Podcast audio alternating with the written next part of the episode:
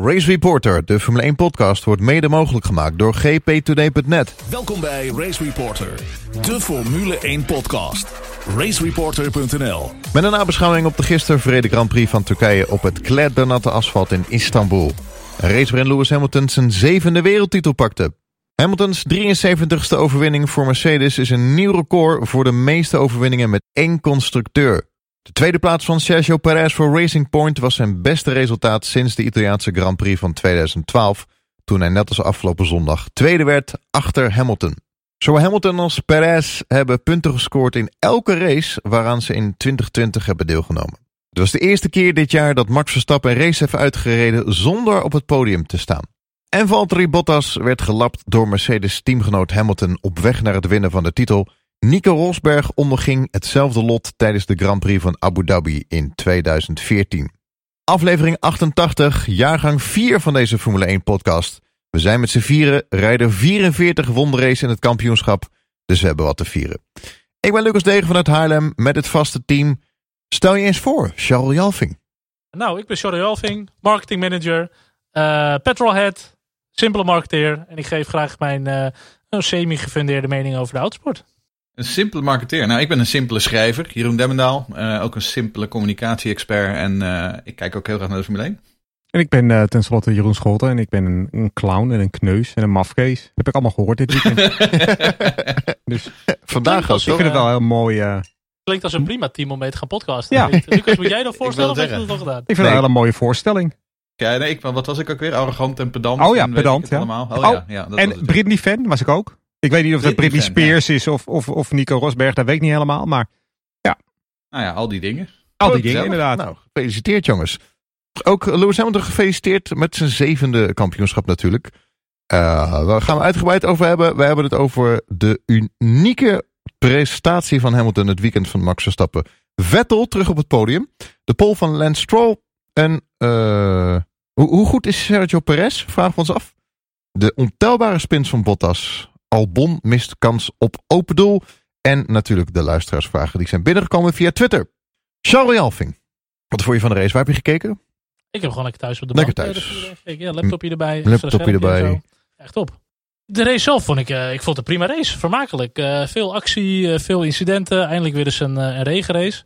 Maar om even een stapje terug te doen. Het hele weekend was in dat opzicht natuurlijk wel een beetje een grote tombola. Gewoon met onbekende factoren. Circuit was er niet lang, lang niet zijn geweest. Vers asfalt, wat net tien dagen daarvoor uh, nog even neergelegd is. Glad uh, biljartlaken, zoals iedereen dat zegt. Wat zou ik er even ging schoonmaken bij de eerste vrije training? Heerlijk. Ja, nee, tien gewoon, minuten van tevoren of zo. Ja, even met de bezem, een beetje ja. dref erbij en zo. Klopt. Vrijdagavond een paar uh, huurauto's erop. Ja, nou goed, daar begon het dus mee. Met gewoon een nieuw asfalt waar alle olie et cetera uitkwamen. Geen asfalt erop. Uh, dus dat was, uh, waren leuke trainingen. En toen kwam de kwalificatie, uh, redelijk natte kwalificatie. Nou, ook gewoon uh, old school. Maar wel Max Verstappen uh, elke sessie bovenaan. Uh, behalve het langste, de, de laatste uiteindelijk niet. Ja, dat was wel een beetje jammer natuurlijk. Was wel jammer dat uh, Lance Stroll niet nog even wat een sneer naar ons uitdeelde, hè, naar die pol. Ja, ja. Wij hij hebben niet even geappt of zo. Al die, al die afleveringen hebben wij hem totaal gebashed. Ja. En dan had hij eigenlijk eventjes iets moeten zeggen naar ons, hè. Ja. Nou, Nou ja, ik, scoor, ik scoorde natuurlijk een uitstekend eigen doel, hè. Want Sergio Perez zette een hele snelle tijd neer. En toen maakte ik daar een grap over. En anderhalf minuut later zette Lance Stroll een pole position neer. Dus Ah. ja, wat dat betreft, ik, ik, daar hadden we Lance Stroll niet voor nodig na afloop. Die, Nee. Dat deed ik zelf al. En om meteen de, de Eh, nee, slechtste ik- grap er even in te gooien. Dat doe ik later in de uitzending. Ga ik nog even aan land spreken voor eh Stroll. Voor zijn pol. Maar dat doen we zo meteen nog wel eventjes. Ja. Maar verder, qua de race. Ja, ik vond het echt een heerlijk georganiseerde chaos gewoon. Eh, Al de- tijdens de ronde naar de, naar de grid toe eh, zagen we Giovinazzi er al afgaan. Russell nog even de pitmuur in. Ja, en de stad zelf. Toen had ik wel weer even zo'n eh shit moment. Weer poepstart van Max. ja, zeker. Die zie je ja. daar gewoon harken met die auto eh, richting de eerste bocht. Wat was er aan de hand? Nou ja, dat, dat heeft te maken met de starts van de Red Bull. En dan helemaal op zo'n op zo'n low grip eh, eh, ding. Ja, de Honda. Eh, die starten in de eerste versnelling. En eh, die hebben dan gewoon te veel toeren, te veel wielspin. Waar eigenlijk bijna alle andere auto's volgens mij in de tweede versnelling konden starten. Ja, dan heb je gewoon een veel rustigere opbouw eh, richting die eerste bocht. Dus dat was, eh, dat was wel even drama. Maar goed, ik moet zeggen, de openingsfase van de race viel mij alles mee. Ik bedoel, de eerste uitvaller was volgens mij, eh, wat is het, eh, ronde 12 of zo. eh, En die ging stuk volgens mij nog. ja, ik zag mensen op Twitter al zeggen van eh, wat is de minste aantal auto's die ooit aan de finish van de race zijn gekomen. Dus we gingen ook allemaal wel uit van echte chaos. Maar dat is uiteindelijk wel meegevallen. Maar het was wel een eh, vermakelijke race. Nou ja, dat is het natuurlijk. Hè. We zaten met z'n allen te wachten van, nou, dit wordt Monaco 96, waar er maar drie aan de finish komen, kwamen, rijdend. Um, maar uiteindelijk inderdaad er een handvol inderdaad met, jongens met technische mankementen. Maar uiteindelijk heeft niemand hem echt um, in de vangrail gepeerd. En daar sta ik wel van te kijken. Nou ja, wij zeiden het hier bij de voorbespreking hadden we het er even over toevallig. Dat ja, die coureurs zijn zo verschrikkelijk goed dat zelfs met zulk slecht asfalt en zoveel regen gebeurt er gewoon relatief weinig. We hebben natuurlijk wel diverse spins gezien. Ja. Uh, maar geen, geen, geen twee, drie, vier safety cars of zo waar ik van tevoren had gedacht van nou, dit wordt me er eentje. En de eerste twaalf ronden vijf verschillende leiders, hè? Dat is wel... Nee, niet, Niet? bij mij, nee. Nee, uiteindelijk is eh ronde 12 volgens mij Stroll naar binnen gegaan. En daarna ging Perez naar binnen. Daarna Max en daarna Albon. Dus ja, de- maar dat was heel kortstondig. Maar in theorie heeft Stroll die hele wedstrijd gewoon gecontroleerd in de beginfase. En Gecontroleerd. eigenlijk Gecontroleerd heet gecontroleerd. Eh, totdat hij eigenlijk een tweede pitstop moest maken. Vanwege toch wat problemen met zijn, eh, met zijn banden. En dat hoor je nu wel achteraf. Dat degene die de meeste problemen hadden op de baan. En dat was dan Max wel een beetje. En Stroll en Bottas. Die schenen ook natuurlijk wel of schade te hebben. Of gewoon echt een fout in de afstelling. Eh, kan iets zijn waar je achter verschuilt. Maar goed, ze hebben wel aangegeven dat zij niet ideaal eh, met deze omstandigheden konden rijden. Met hun auto op deze manier. Er zijn wel wat kanttekeningen links en rechts bij te plaatsen, denk ik. Ja, absoluut. absoluut. Om Een paar maar. te zijn. Ja, een paar. Ja. Een Oh, ja, wat ja. ik dan heel- wel weer heel knap vind, en daar komen we zo meteen e- ook wel even op terug. Maar gewoon Hamilton, die toch, wat was het in de kwalificatie, zes seconden van tempo af zat of zo. Nou, Ehm, ze zaten er ver Vijf, achter. Ja. Of vijf. ja. Eh, en dan in de race, die wint hij uiteindelijk gewoon weer met 30 seconden voorsprong. Nou, dat vind ik zo ontzettend knap. En ik denk dat Mercedes ook gewoon heel veel heeft gedaan in de simulator, met nog met Nou, zetten, whatever. Dat, die ik, hebben echt zich wel goed herpakt door Hamilton. ik moet ook eerlijk zeggen, ik, ik verbaas me nou altijd wel weer over, over Twitter. Dat is natuurlijk een, een bijzonder fenomeen af en toe. Maar dan, dan, dan post je ook iets, iets van, over Hamilton. Van nou ja, kijk eens even wat hij doet allemaal. We hebben hem het hele weekend niet gezien en hij wint. En er zijn er nog heel veel mensen die dan toch maar dat allemaal met geluk. En het is een Mercedes en dit en dat. Maar weet je, die man die heeft bijna 100 Grand Prix zegens. En, en nu zeven wereldtitels. Die man is zo verschrikkelijk goed. Echt, daar kan Max Verstappen nu nog op dit moment nog niet nog niet aan tippen. Hij is echt gewoon beter. Hij is echt gewoon een klasse apart op dit moment. En ja, ik vind het ook vervelend. Ik vind het hartstikke irritant. Maar ja, het is, eh, eh, hij doet het gisteren ook weer bijzonder. Nou ja, kijk, het punt is, het is heel simpel. Eh Valtteri Bottas had nu ook drie wereldtitels kunnen hebben. Ja. Het verschil is, die heeft hij niet. Ja. Want Nee. hij zit in exact dezelfde auto. ehm, Ja. Maar hij heeft geen drie wereldtitels. En Lewis Hamilton heeft ze die wel bij elkaar gereden de afgelopen drie jaar. En Precies. dat komt gewoon omdat Lewis Hamilton met, afge- met afstand de beste van die twee is. En Ja. ik bedoel, als je ziet inderdaad hoe hij dit weekend zichzelf... eh, ehm, inderdaad na een hele moeizame kwalificatie... maar hoe, zich, hoe hij zich dan in die race herpakt... En hoe hij dan gewoon het heft in handen neemt. Net als een Imola weer, hè? gewoon echt als een kampioen rijden. Dit is in stijl je zevende wereldtitel binnenhalen. Dan moet ik wel meteen eventjes bij zeggen. eh, dat als ik terugkijk naar 2011. Toen zat eh, Hamilton ongeveer net zo lang in de Formule 1 volgens mij als Max nu. Of 2012. Dat waren niet Hamiltons beste jaren. Dat waren niet de jaren zo goed als dat hij nu is. Zeg maar. Vooral in 2011 heeft hij heel veel eh, Hmm. gekke dingen gedaan. In 2012 was ook niet altijd alles. Werd hij verslagen door Jensen Button en zo. Ja. Dus het niveau waarop Max nu zit, is wel hoger dan het niveau wat Hamilton toen had in mijn ogen. Alleen Hamilton nu is wel completer en vol- gewoon verder. Die dan het kwam Max echt hoog de Formule 1 binnen Hamilton. Want dat weet ik Ja, wel. 2007 van, ja, die heeft zoveel ja. uren in een hypersimulator gezeten. En nou, GP2 deed hij het ook echt goed. Ja. Die kwam echt op een hoog niveau binnen ook. Ja, en bij het McLaren van 2007, wat natuurlijk ook gewoon een eh Topteam was. best team was. Vraag ben ik er van Maarten Evertsen. Evertsen. Ja, hij vraagt wat maakt Hamilton volgens jullie, alle vier, zo ontzettend goed? En meer suggestief, wat maakt hem een van de beste ooit? En to whom it may concern, nee, het ligt niet alleen aan de auto. ja, ik vind wel, ik Hamilton, dat is voor mij wel een gigantisch complete coureur. Waar Max ook al super compleet is, en helemaal op zijn leeftijd, is gewoon die pure snelheid van Hamilton. De toewijding die hij heeft, de consistentie, maar ook het aanpassingsvermogen aan omstandigheden, aan teams, aan allemaal situaties, vind ik gewoon gigantisch goed. En natuurlijk, Hamilton heeft al heel lang de beste auto. Dat wil niet zeggen dat hij ook kampioen is vanwege de auto. Want hij heeft wel het risico genomen. Hij neemt ook zo'n team op sleeptouw. Ik vind hem ook echt een teamplayer. Dus ja, is dat dan puur vanwege de auto? Nou, dat denk ik niet. Want hij verslaat ook gewoon zijn teamgenoten. Maar en ik vind hem ook wel toch wel een soort van likable guy. Sommige mensen die hebben een hekel aan hem. Of hoe hij zich uit. Maar goed, hij gebruikt wel het podium dat hij heeft. Om ook de sport weer eh, toegankelijker te maken. Om dingen in de wereld aan te stippen. Ik ben er niet altijd fan van hoe hij het doet.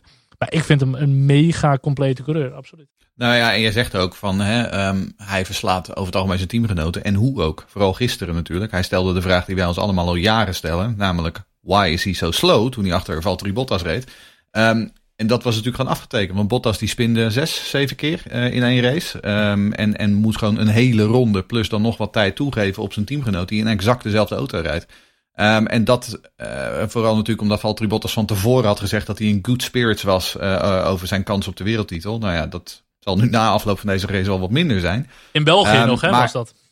Oh, nou ja, kijk kan. Maar hoe dan ook. Um, hij is gewoon afgetekend de beste. En dat, dat, was hij, dat was hij tegen Rosberg al. En we hebben het hier al eerder over gehad. Rosberg is achteraf bezien ook gewoon, hebben we allemaal wel een beetje onderschat. Um, maar Hamilton was ook gewoon de meerdere van, van, van Rosberg en ook gewoon afgetekend. Nou ja, het is, en ik ben het gewoon met Charles eens. Hij is heel compleet. Hij beheerst alles. Alle onderdelen van het racevak mm. beheerst hij. En dan zeggen inderdaad mensen van ja, maar die Mercedes is ook de beste. Maar dit hele weekend heeft hij niet de beste auto gehad. En hij won wel. En om een beetje te vergelijken met Schumacher te maken, en dat kunnen jullie misschien iets beter vertellen. Maar Schumacher heeft ook sommige van zijn titels als overwinningen ook wel op een sneaky manier gewonnen, zeg maar. Hij kon natuurlijk een hele harde coureur zijn. Hamilton, nou die heeft dat misschien niet nodig gehad, maar die heeft het wel op een hele faire manier gewonnen. Zeker. En qua auto, ik heb het idee dat vroeger die verschillen met die auto's ook groot waren. Met de Ferrari. Die Ferrari was ook um, vrij goed Alleen, tijd, het fluctueerde wat meer. Want dan had je misschien geen zeven jaar, maar had je misschien drie jaar of vier jaar max, weet je wel. Dus uh, wat Mercedes nu doet is gewoon heel knap. Maar het is ook, het, vroeger, als we naar kijken naar echt vroeger. Ik bedoel, McLaren Honda was ook ooit zo goed. Hè? Ik bedoel, ja. als je kijkt naar, ik ben, ik ben nu het seizoen 88 aan het terugkijken. Als je ziet hoe ver ja. Prost en Senna boven de rest uitsteken. Ja, dat is, dat is niet, ze zetten eigenlijk gewoon het hele veld op een ronde. Bijna iedere race. Maar als je ook het verschil dan ziet tussen Senna en Prost onderling. Senna rijdt gewoon, met, vooral in de eerste paar races is Prost nog de meerdere. Maar daarna zie je gewoon dat Senna op een gegeven moment, hij rijdt gewoon Prost constant op 40, 50, een minuut af, achterstand. En dat is gewoon omdat hij gewoon echt absolute, absolute top was. En Hamilton laat dat nu ook weer zien. Maar ik wil het niet verpesten hoor. Ik wil geen spoiler geven. Maar in Monza wint hij niet. Dus nee, dan weet je dat alvast. Oké. Okay. Nou, ik weet de uitslagen al. Ik, wou zeggen, ik, ik, ik, wou zeggen als, als Lewis, dat zei afgelopen weekend ook alweer. Als het even tegen zit, dan zit hij meer, meteen zo te mouwen op de woordradio. Dat vind ik, dat vind ik dan wel jammer. Dat is die mentaliteit. Normaal, hij wil gewoon winnen. Ja, dat snap ik. Maar normaal heeft hij wel de, de rust. Dus het is, qua rust vind ik, is hij ja, maar als je nou, daar gaan we het straks nog wel over hebben. Lance Stroll zat ook de mouwen over de boordradio. Maar die verliest volledig zijn kopie hè, in die eerste ja, paar rondes na die, uh, na, die, na die pitstop. En dat is het verschil. Dat is iets waar, waar bijvoorbeeld, en Lance Stroll is natuurlijk nog een, een jonge knul. Die, die rijdt natuurlijk nog veel minder lang dan Hamilton. Die is ook gewoon minder als coureur. Maar daar zit het verschil in. Lewis klaagt wel. En Lewis laat wel zijn frustratie merken. Maar is tegelijkertijd ook heel erg bezig om dat probleem op te lossen. En om te dealen met de situatie die hij heeft. Um, en dat is wel gewoon inderdaad wat hem inderdaad zo compleet maakt. Dat hij, je kunt van alles en nog wat uh, op zijn bord gooien. En hij dealt ermee. Ja. En ik heb ook wel eens gezien, bijvoorbeeld in het verleden, bij uh, mensen die heel veel winnen. Mika Hakkinen bijvoorbeeld had daar, dit is het beste voorbeeld van. Die um, na een aantal jaren is het beste er wel af. En dat zit hem voornamelijk in zijn kop. Klopt. Bij ja. Hamilton zie ik dat totaal Ja, die wordt alleen maar beter. Ja, en Hakkinen nam toen volgens mij zelfs nog sabbatical. En is nooit meer teruggekomen. ja, maar officieel nog steeds op zijn bed, ja. geloof ik. Het is ontzettend knap om, om echt zo lang dat niveau vast te houden. Ja. Dat geldt trouwens ook voor Mercedes in zijn geheel hoor, moet ik ook ja, en, en, voor deze podcast ook. Vraag ben ik van uh, Frederik Middelhof. Natuurlijk uh, van het eerste uur van deze podcast en de vorige uh, twee afleveringen terug was hij er ook. Ja. Ja, die vraagt, uh, wat waren jullie bevindingen over de banden? Uh, hij had het idee dat de set inters naarmate het droger werd, voor sommige coureurs, uh, daar kwam die, die set inters naartoe en bij anderen juist niet. Um, nou, wat wel interessant was, was dat, Lando Norris daar gisteren wat over te melden had. Um, die vertelde namelijk dat ze bewust buiten zijn gebleven, omdat ze erachter kwamen dat die gebruikte inters op een gegeven moment zo aan het afslijten waren, dat het in feite gewoon slicks werden. En als je dan ook bedenkt dat die intermediates een veel lagere temperatuur nodig hebben om in hun zeg maar operational uh, uh, range te komen, waarop ze echt optimaal presteren, dan was dat was dus de truc. Uh, en dat zag je bij Perez, dat zag je bij Hamilton, dat zag je bij jongens als ja. Norris, die op die banden bleven rijden. En daardoor zeg maar uiteindelijk gewoon in feite op een redelijk halfdroge baan gewoon sliks onder hun auto's hadden liggen. Kijk, als het in die laatste paar regenen, ronden weer was gaan stortregenen, dan waren ze zonder enige pardon van de baan gegleden. Ja. Maar ja, dat is het risico dat je neemt. Terwijl iemand als Verstappen en jongens als Albon en jongens als Lance Stroll, waar we het wederom straks over gaan hebben, ja, die gingen op nieuwe inters de baan op en die hadden gewoon veel grotere problemen. Nou, je zag het uh, heel mooi op die foto die uh, van Hamilton naar de finish met ja. die hele smerige ja. uh, Mercedes. Maar daar zag je ook die banden op, dat waren gewoon slicks. Maar de zijkant zat nog een heel klein beetje profiel. Maar dat gaaf. waren eigenlijk gewoon slicks. zat geen profiel meer op. En gaaf. Maar wat het volgens mij ook was, dat degene die op die slicks bleven rijden, die zijn heel geleidelijk gaan slijten, doordat de baan langzaam droger werd. Dus die hebben een soort van semi-slick, semi-intermediates. Maar degene die dus later gingen stoppen, die rulden ook te veel op volgens mij die banden. Die gingen grainen, dus die slijten dan niet lekker richting die slick, had ik het idee. Dus die gingen eigenlijk gewoon op, op, op hele foute banden uiteindelijk. Nou, en als je dan in de mix meeneemt dat bijvoorbeeld een Max ook heel erg klaagde over zijn setup van de auto. Of een Bottas die een stukje van zijn wing-end plate miste. Of een Stroll waarbij volgens mij ook een onderdeel onder de vleugel zat. Ja, dat helpt je dan ook niet mee met het managen van die banden. En dat heeft die gasten gewoon opgebroken in dat opzicht. Vraag binnengekregen van Rob de Voogd. Gaan jullie het hebben over Masi? Eh, de, dat is de wedstrijdleider. Eh, deze man laat recent grote steken vallen qua veiligheid en kraamt onzin uit. Wie gaat hem corrigeren of stoppen? Nou, ik denk eigenlijk eh, dat hij doelt op het feit dat, er, eh, dat Q2 begon terwijl er nog een recovery vehicle eh, voor de vangrail stond. Ja, dat vond ik zelf eigenlijk ook. ik vind het heel raar. Want er was geen enkele reden om niet gewoon te zeggen van nou, we wachten nog even vijf minuten en dan gaan we beginnen met Q2. Dat dat makkelijk gekund.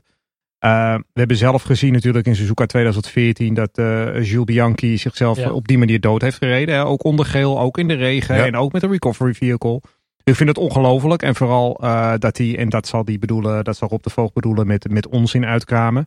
Dat hij vanmorgen nog uh, in de media geroepen heeft uh, dat hij zich heel comfortable voelde, uh, voelde dat, uh, dat Q2 uh, van start ging terwijl die recovery vehicle uh, nog daar stond. Ja, dat vind ik ook inderdaad een, een ongelofelijke. We hebben het wel eens over coureurs die zelf kritisch moeten zijn. Maar ik denk dat de wedstrijdleiding, dat kan echt gewoon niet. En hij laat meer toe dan uh, Charlie Whiting voorheen deed. Dat, dat hebben we allemaal gezien al. En daar ben ik op zich een voorstander van. Maar dit kan gewoon echt niet. Nou, hij maakt ook wel een paar goede calls. Hè, want op een gegeven moment toen ze natuurlijk die, uh, die kwalificatie even stillegde. Omdat het echt een wolkbreuk werd. Dan dacht Mhm. ik van ja, dat is op dit moment vooral met deze auto's is Ja. dat wijs. Maar wat betreft, verder, wat betreft inderdaad het herstarten van Q2, eh, ben ik helemaal team Vettel. Eh, die vandaag natuurlijk ook zei van, eh, dit, hier, hier kun je Ja. gewoon geen excuses voor maken. Dit was gewoon 100% fout. Het had hem ook al gesierd als hij gewoon had gezegd, ja, dat was een verkeerde call geweest. Hij zei voor mij wel zoiets van, ze hadden verwacht dat hij wat eerder van de baan zou zijn, maar dat het viel wat Mm. tegen of zo. Maar ik vind, Nou, maar, je moet gewoon geen concessies doen in veiligheid. En helemaal niet na het ongeval met Bianchi, waarbij gewoon een, een wereldwijde sport gewoon ziet hoe iedereen daar gewoon, eh nou ja, vermoord wordt, wil ik misschien niet in dat opzicht zeggen, maar het is gewoon, het had voorkomen kunnen worden. En nu, eh, Imola ook, die jongens die nog op de baan lopen, terwijl de coureurs voorbij de safety car worden gestuurd. Je wil het toch niet voorstellen dat je gewoon live op tv ziet hoe iemand daar gewoon nee, er was ook geen reden toe. Dat, Ah, dat zeg ik. dat Had gewoon vijf minuten, tien minuten kunnen wachten met Q2. Er was niks aan de hand geweest. Nee. Mm. Dus Voor de show, dat ze dan soms een een safety car doen in plaats van een virtual safety car. Nou, daar kan je het over discussiëren. Goed, ze, ze willen wel meer show en meer tempo erin houden, maar nooit concessies doen voor de veiligheid. nee, nou, dat is gisteren ook kunnen doen. Want ze hebben gisteren wel een virtual safety car ingebracht. Dat is ook safety car kunnen doen als ze dat per se willen. We gaan kijken naar het weekend van Max en Red Bull. Nou, poepstart natuurlijk. En de spin achter.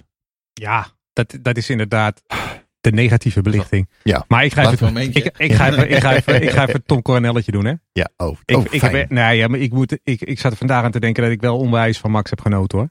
Dit weekend. Want Absoluut. in, in, Mm. in Q1 was het op een gegeven moment dat die rode vlag komt en hij staat vijftiende. En dan komt hij op een gegeven moment naar buiten, heeft hij één rondje om het te doen. En dan is hij gewoon twee seconden sneller dan iedereen. En is hij tien seconden sneller dan P16, hè, waar hij had moeten staan. En dan geeft die jongen dus gewoon, die, die, die doet niet een bankerlap eh, zetten of zo. Dat doet hij niet aan in de regen. Die go- gooit gewoon alles eruit. Ik vind het wel echt waanzinnig. Ik denk dat we een beetje verwend zijn door wat hij heeft laten zien in China in de regen toen en in Brazilië. Dat we nu zitten Nou van, hé, hij- regen, Max. Hij kan dat gewoon combi. heel goed. Kijk, en in de race maakt hij een aantal fouten. En gaat het, loopt het ook vanaf het begin natuurlijk niet zijn kant op. Ja, dus Eh, maar ik moet eerlijk zeggen, dat, dat zijn wel de momenten waarop je echt zijn talent kan zien. Hij heeft gewoon, ondanks het feit dat hij een slechte start had, hij heeft gewoon een overwinning weggegooid. Laten we daar wel gewoon heel... Eh, eh, ja, en de pole ook uiteindelijk. Ja. Ik ben ervan overtuigd dat hij had gewonnen als hij, Tuurlijk, als hij inderdaad gewoon Perez normaal voorbij was gekomen. Maar ja, het punt is, je ziet het, je, je zag het gebeuren. Ik, ik, het, Ja. ik, ik schreef op Twitter, het, het was als- alsof ik naar een, een, trein, een treincrash in slow motion aan het kijken was. Ik zag hem aan de binnenkant van die, van, van, van die knik zitten. Ja. En ik denk, oh god, oh god, hij gaat er nu direct achter zitten. Daarboven op die knik, daar ligt water. En dan gaat hij eraf aquaplanen. En dat was in de seconde voordat het gebeurt. En ik, ik, ik wilde bijna schreeuwen naar de tv. Doe het niet, doe het niet. Lift even, even liften. Luister naar En dan. vervolgens zo balen. Ja, nou ja maar Maar goed, dat- hij luisterde, en dan luisterde hij weer niet. En dan heb ik weer geen toegang tot zijn radio. Dat is heel wel een probleem. Maar ehm, nee, het was, het was echt zonde. Het was echt een hele, hele dure fout. Kijk, het is natuurlijk heel makkelijk, want wij zitten langs de zijlijn en hij zit in die auto gefrustreerd. Nou, prima. Tuurlijk. Eh, tuurlijk. en dat hadden we ook op Twitter over. De meeste steken, die zijn natuurlijk ook vooral dit seizoen, maar sowieso Max carrière eh, die zijn laten vallen door zijn team, door de motorleverancier, door dat soort dingen. Dus, maar Mm. goed, dit was gewoon niet praktisch. Als je zag hoe hij eh, achter Perez langs kruisen, zeg maar, dan weet je gewoon, als je eerst rechts van hem zit, dan ga je in die, in die bocht ga je sowieso wijd uitkomen. Nou, dan verlies je nog een beetje downforce. Nou, gelukkig rijdt hij niet die auto helemaal de get in in de muur of zo. Ja, het was gewoon, hij had even geduld moeten Nee, maar hebben. dat gaat ook niet zo snel op het Tilkedroom. Is daar- waar. daar heb je wel een punt. Want de, de keren dat het aan de motor ligt, dan is hij de eerste die het hardste schreeuwt Ja, met piepjes en ja, Nou, Nou. kijk, weet je, en hij heeft nu natuurlijk na afloop verklaard van ja, maar er was iets fout aan de afstelling van de auto, waardoor ik eh, aan- één kant dat hij, eh, had hij te veel of te weinig grip. Ehm, dat zal allemaal wel, maar daar had hij in de eerste 15, 20 ronden van die wedstrijd helemaal geen last van, had ik het idee. Ehm, sterker Nee. nog, of in ieder geval, als hij er last van had, dan kon hij het prima managen. En hij was nog steeds gewoon sneller en hij was nog steeds gewoon op weg naar de overwinning. Hoe het Ja. ook zij, hoe die, hoe die afstelling van die auto ook was, hij maakte gewoon een inschattingsfout bij die inhaalpoging op Perez. Zo simpel is het. Ja. En dan moet je net als Leclerc, hè, die, die uiteindelijk gewoon eh, zichzelf een podium eh, door zijn neus boort, dan moet je na afloop gewoon kunnen zeggen. dan hoef je niet, wat mij betreft, over de radio te roepen: I'm, I'm shit, I'm shit, I'm shit. Eh, dat hoeft voor mij ook weer wel niet. Maar je kunt ook gewoon zeggen van, ja, maar je kunt ook wel wel zeggen van, hey, ja, weet je, dit was gewoon een fout. hij miste de... ja, Nou, Leclerc is echt een beetje de Raymond van Barneveld, hè? Als die Ja, vroeger een partijtje met darten verloor, dan was echt niets zeden meer toe. Ja. En, en, en zo ver gaat hij dan ook wel. Maar ik, ik mis wel zelfkritiek bij Max. Ja. Ik snap ook wel Mm. weer die frustratie van Max. Weet je, wel, je hebt ten eerste al die motor waarmee je geen goede start kan maken hier in Tuurlijk. de regen. Dan is waarschijnlijk die setup gewoon poep. En ik geloof dat hij dat in de rondes daarvoor ook al wel voelde. Dan kom je Perez niet voorbij en dan maakt hij een foutje. Ja, dan moet je het ook gewoon doen. Ja, en dat loopt een keer fout af. Het is ook niet dat het nu meteen allemaal slecht is van Max. Nou, het was gewoon een Oh, foutje. nee. En weer door. Hij heeft zoveel krediet Hij opgebouwd. beste seizoen, hij rijdt Ja, zijn joh. beste seizoen van zijn carrière. hè. Zo is het ook. Maar er was ook denk ik nog een hoop frustratie vanaf zaterdag hoor. Ja, absoluut. Mm. Want die Paul Ja. die was echt, hij had natuurlijk eh vrije training 1, 2, 3, Q1, Q2. Alles was hij ver uit de snelste. En als je hem dan zo misloopt. Ja. Wat ook een beetje lullig was. Want ik begrijp het wel. Want hij had natuurlijk op Inters gemoeten dat hij wat meer rondes zou kunnen maken. Maar ik begrijp het wel. Want hij is afgetekend de snelste. Kijk, Racing Point Ja. kan dat gokken. Want die hadden- waren, waren normaal gesproken toch niet met die Paul aangekomen. Ja. Dus dan kan je in de aanval gaan. Hij kiest de conservatievere optie. Door gewoon met de wets te gaan rijden. Dat is op zich wel te verklaren. Eens. Eh, ik denk meer dat of nou Max een reden kan verzinnen waardoor dit zo liep of niet. Het zou hem gewoon sieren als Max gewoon zou zeggen: joh, dit had ik gewoon even niet goed ingeschat. Die auto was niet perfect, maar dit had ik niet zo moeten doen. Nou, welke vraag van Naomi. Die vraagt: Is het tijd voor Max om iemand in dienst te nemen om aan zijn mindset, de zaakjes geduld te werken? Eh, zijn belief dat hij het hele weekend de snelste was en dus op pole moest staan en dus moest winnen, maakte hem echt te gretig. Ja, ik snap het. Kijk, er zijn coureurs zoals een Grosjean die dat echt ook wel nodig hebben gehad. Die gewoon geknakt zijn. Of een Gasly. Daar ben je echt bij gebaat. Ehm, kijk, ik vind dit wel wat ver gaan in dat opzicht. We hebben ons wel eens eerder eens verbaasd dat Max wat ongenuanceerd is. Dat hij zo competitief is. En dat, dat willen we allemaal juist. Ehm, maar kijk, we houden gewoon van dat karakter. En dat maakt hem ook zo sterk. En dat is tevens ook zijn zwakte. Dus hij wil ook niet laten zien dat het aan hem ligt. Ehm, maar ik denk dat dit is gewoon met vallen en opstaan. Het is nog wat leergeld. Kijk, dit jaar gaat het niet om de titel. Dus hij kan ook nog wat foutjes maken. Hij kan nog een keer op zijn bek gaan. Ehm, als het wel om de titel gaat, ja, dan moet hij weten: hé, hey, ik moet nu misschien even toch een tikje terug. En dan pak ik hem zo meteen. Ik denk, je, hij heeft zijn vader naast zich. Hij heeft zijn fysio. Die doet misschien een mentaal eh, dingetje ook dat hij helemaal En ready is. en zijn moeder, niet vergeten. Ik denk dat hij, dat hij in prima hand is in dit opzicht. eh, absoluut. Ja, en die, en die foutjes worden ook steeds zeldzamer. Hè? Ik bedoel, in de eerste Ja. paar jaar gebeurde het met enige regelmaat. Dit is de eerste fout van dit jaar. Vorig jaar heeft hij er wat mij betreft één gemaakt. Ehm, Ja. Hamilton maakt ook af- nog steeds af en toe een fout. Hè? Duitsland vorig jaar. Ehm, dus dat Ging er ook gewoon af, hè, gisteren een keertje. Die ging er... Ja, Brazilië. nou, ja, Ja, ja, ja. Niet in de maar- maar Brazilië vorig jaar. eh, Maar. Hamilton heeft, eh, de heeft drie wereldtitels gescoord sinds zijn laatste uitvalbeurt, las ik vandaag. Ja, klopt. dus die ja. maakt niet heel veel foutjes, denk ik dan. Nee. Nee, maar goed, in Duitsland maakte hij natuurlijk wel Ja, een ja, dure fout. ja. Kijk, uiteindelijk finishte hij geloof ik als het was het tien of elf of zo. Dat was toen, toen hij toen Nee, in de punten volgens mij. dat hij op wilde geven. Ehm, maar ik bedoel, hij rijdt hem uiteindelijk wel uit. Maar dat was Ja. wel gewoon een, ook een dure fout van hem. En Brazilië reed hij Albon eraf vorig jaar. Dat hebben we ook nog, Ja, ja, ook ja. nog Ja, sure. Maar goed, hij En dit jaar ook, hè, in Oostenrijk, toch? Ja. Een van die twee races in Oostenrijk eh, ook Albon eraf Ja. geduwd. Ja. We hebben nog een vraag. Arjen Schouten, niet, eh, niet eh, de journalist van het AD, meen ik. Eh, daar waar de Red Bull vroeger makkelijk andere auto's kon volgen, lijkt dat nu minder vaak het geval. Heeft men dit jaar te veel voorgesorteerd op de Mercedes-strategie, pole position en dan wegrijden, zonder de vereiste benodigde kwalificatiesnelheid? Nou, ik moet heel eerlijk zeggen, dat is mij niet heel erg opgevallen dit jaar. Volgens mij is de Red Bull in verkeer nog steeds beter dan de Mercedes dat is. Eh, gisteren eh, was natuurlijk eh, het gevalletje Perez, maar daar zit hij er gewoon te dicht achter. Daar verliest iedere auto downforce. En bovendien glibberig wegde- wegdek, moeilijk asfalt. Dus het was allemaal wel te verklaren. Maar volgens mij kan die Red Bull nog steeds in verkeer vrij makkelijk meekomen hoor. Ik heb het wel vaak juist het dat Max echt wel de jacht gaat inzetten op de Ja, ja, ja. ja. Het gebeurt misschien wat weinig door omstandigheden. Maar, eh, Nou ja, je hebt, je hebt natuurlijk ook te maken met als je. eh, het is natuurlijk heel moeilijk inhalen, zelfs ook in de Red Bull natuurlijk. En ook als je Max Verstappen bent. En als je er te lang achter zit, dan worden die banden warmer. Alles wordt warmer, alles gaat meer slijten. Je krijgt een andere bandenstrategie die je op een gegeven moment moet gaan doen. Dus het is ook gewoon. Je kan niet te lang eh, blijven volgen. Als het niet lukt, moet je gewoon even die paar seconden laten vallen. Maar in Silverstone won hij daarmee dus een race. Ja. Juist doordat hij zo agressief kon aanvallen Ja. met die auto. Vooraan afgelopen weekend de Pink Panthers. Racing Point meldt zich vooraan. Hebben- Ik heb er echt genoten. Ik vind het leuk al altijd weer de, de underdog als een rebels eh, team weer eh, van zich laat horen. Ja, absoluut. Eh, uitstekend uitgevoerd in de kwalificatie. Um, ere wie ere toekomt. Lance Stroll reed gewoon een uitstekende ronde. Heeft die pole position volledig eh, eh, verdiend wat mij betreft. Ehm, Sergio Perez die stond eh, start als derde, was vierde. Dus die stond er ook gewoon goed bij. Eh, vervolgens inderdaad bij de start met z'n tweeën naar voren 1 en 2. Ja, dat, doen ze, dat deden ze echt helemaal prima. Ehm, dus ehm, het enige probleem is dan wel dat inderdaad Lance Stroll vervolgens dus eh, dan overgezet wordt op een andere eh, bandenset door zijn team. Ehm, en ik denk dat dat ook gewoon een beetje een kwestie is van hè, een beetje veilig. Ze wilden toch gewoon die, die koppositie veilig stellen. En achteraf eh, bleek dan toch dat dat niet helemaal de juiste keuze was. Nou, ik vind wel weer als je gewoon Sergio Perez bekijkt. Ik vind, ik vind toch echt, als je het dan hebt over Red Bull, dat moet hem worden. als je dan ook hebt over een beetje een Ja. complete coureur. En dan is Toch? dit misschien een iets oudere. En hij neemt natuurlijk nog wel wat geld mee. Maar hij pakt Nee, wel je, gewoon een podium. je moet er gewoon, ja, weer. Ja. Weer, hè. En, eh, ik bedoel, hij pakte altijd, eh, Hulkenberg had hem niet gepakt. Die was vierde geworden Nee, natuurlijk. Maar nou, hij exact. pakte hem natuurlijk Maar die was, weer. ernaast, die was er waarschijnlijk afgegleden ook. Dat ik bedoel, ook het feit dat, dat Helmoet Marco nu daadwerkelijk ergens in Oostenrijk zeg maar, achter een bureautje zit en denkt... Hmm, Alexander Albon of Sergio Perez? Ik geloof dat dus niet. Nee. Dat kan Nee. toch gewoon niet, Nee, dat kan. Nou toch. Maar als je, eh, ook al gewoon als je, gisteren doet Max het niet. Om wat voor reden dan ook. Dan, Nee. dan, dan moet je als goede tweede rijder instappen. En Ja. dat deed vroeger Rubens Barrichello, dat deed vroeger David Coulthard en zo. Die konden het doen. Kijk, je moet punten pakken voor de constructeurs. Je moet het dicht oprijden in verband met de strategie. En je moet op het moment dat je eerste rijder uitvalt of wegvalt, dan moet jij het overnemen. Nou, heel lang dacht, of heel lang niet, maar een paar ronden dacht ik, nou, Albon gaat het ook echt doen. Nu. Nou, hij deed Ja. weer niet. Hij gaat dan weer in de ronde. En dus eigenlijk zeg je tegen Red Bull, ja, je kan niet op mij rekenen als Max Ja. wegvalt, heb je niks. Want sommige mensen zeggen, ja, maar Perez naast Max, dat gaat toch ook eh, vuurwerk worden en die gaat het niet accepteren.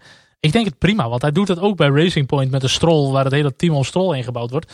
Perez die pakt gewoon de krent uit de pap als het kan en die rijdt gewoon een snot voor zijn ogen.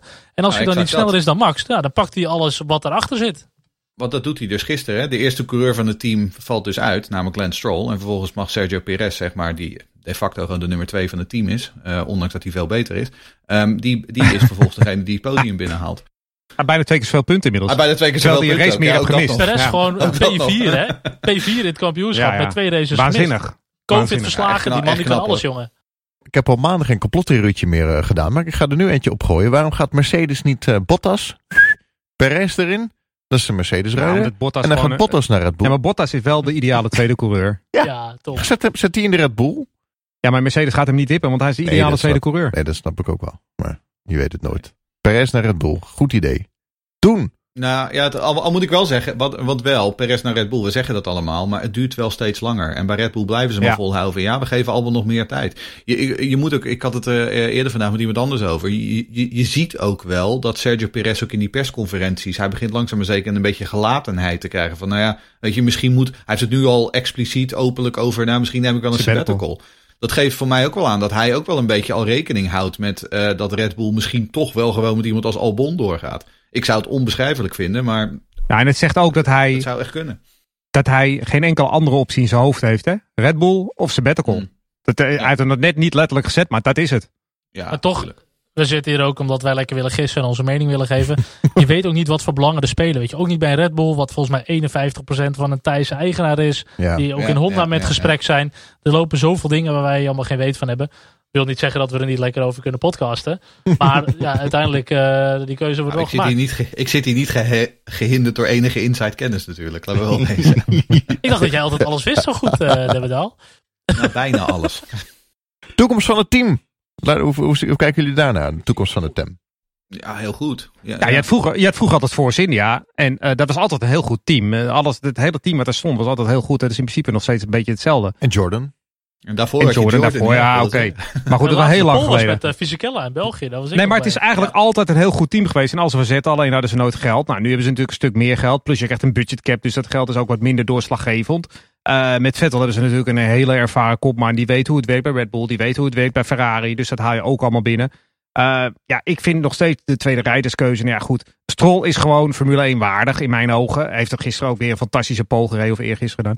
Maar hij is in ieder geval Formule 1 waardig. Ik had Perez gekozen. Zeker, 100%. Want die is Ja. een stuk beter. Maar goed, met zo goed met het met team, hè? Vettel en- zo gered en zo. met Vettel en Stroll eh, moet je best een eind kunnen komen. Ik zie wel een, een, een goede toekomst bij dit team, ja.